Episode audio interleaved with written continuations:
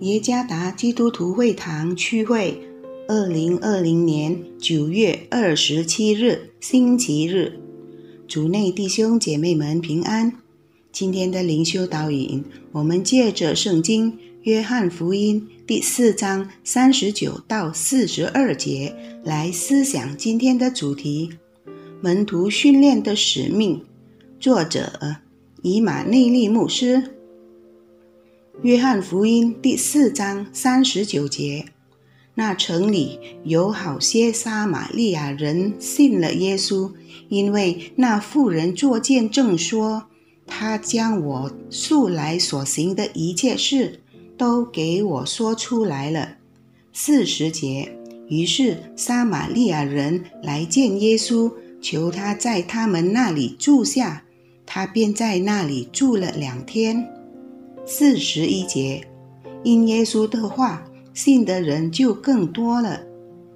四十二节，便对妇人说：“现在我们信，不是因为你的话，是我们亲自听见了，知道这真是救世主。”主耶稣呼召门徒们接受门徒训练，并差遣他们出去训练万民，成为门徒。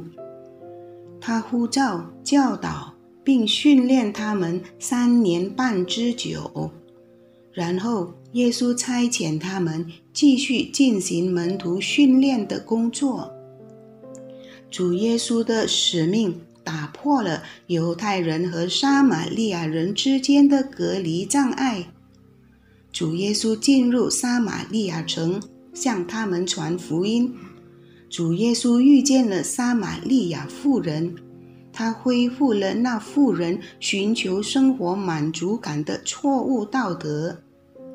约翰福音第四章三十九到四十二节解释说，那妇人向众人见证了他的信心，在社群中，他不再感到一文不值，他不再感到羞耻和惧怕与多人相见。他已经成为一个完全崭新的人，现在正是他见证遇见耶稣之后新生命变化的时候了。第二十九节，这个妇人的见证非常有效，撒玛利亚城的许多居民被他的话所吸引了。听完他的见证后，众人想见耶稣。三十节。历时，许多撒玛利亚人相信了主耶稣。三十九节，还要求主耶稣在他们那里住下，因为想更深地认识、了解他。主耶稣与他们同住了两天，教导了他们，因此许多人相信了他，加深了他们的信心。四十节。他们认识耶稣是世界的救主。四十二节，主耶稣的神圣使命是拯救那些还未找到生命真正意义的人。富人的见证收割了延伸到整个村庄的灵魂。基督复兴了灵性已死的撒玛利亚妇人，因此。而复兴了居住在撒玛利亚、叙加城市中许多人的灵性。在某个时候，基督不仅向撒玛利亚妇人传福音，还向他进行门徒训练，使他也认识自己的真实身份。这个妇人成了效法基督的门徒，不再是效法世界的门徒。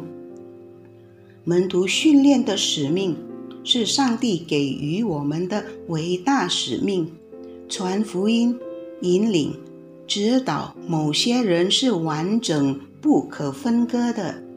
目的是使听福音信息的人相信、悔改，并开始实行效法基督的门徒生活。正如一个小孩必须被照顾。引领和教育，直到有一天他可以长大成人。领受福音的人也是如此。他还确实需要得到照顾、引导和训练，以正确地跟随基督。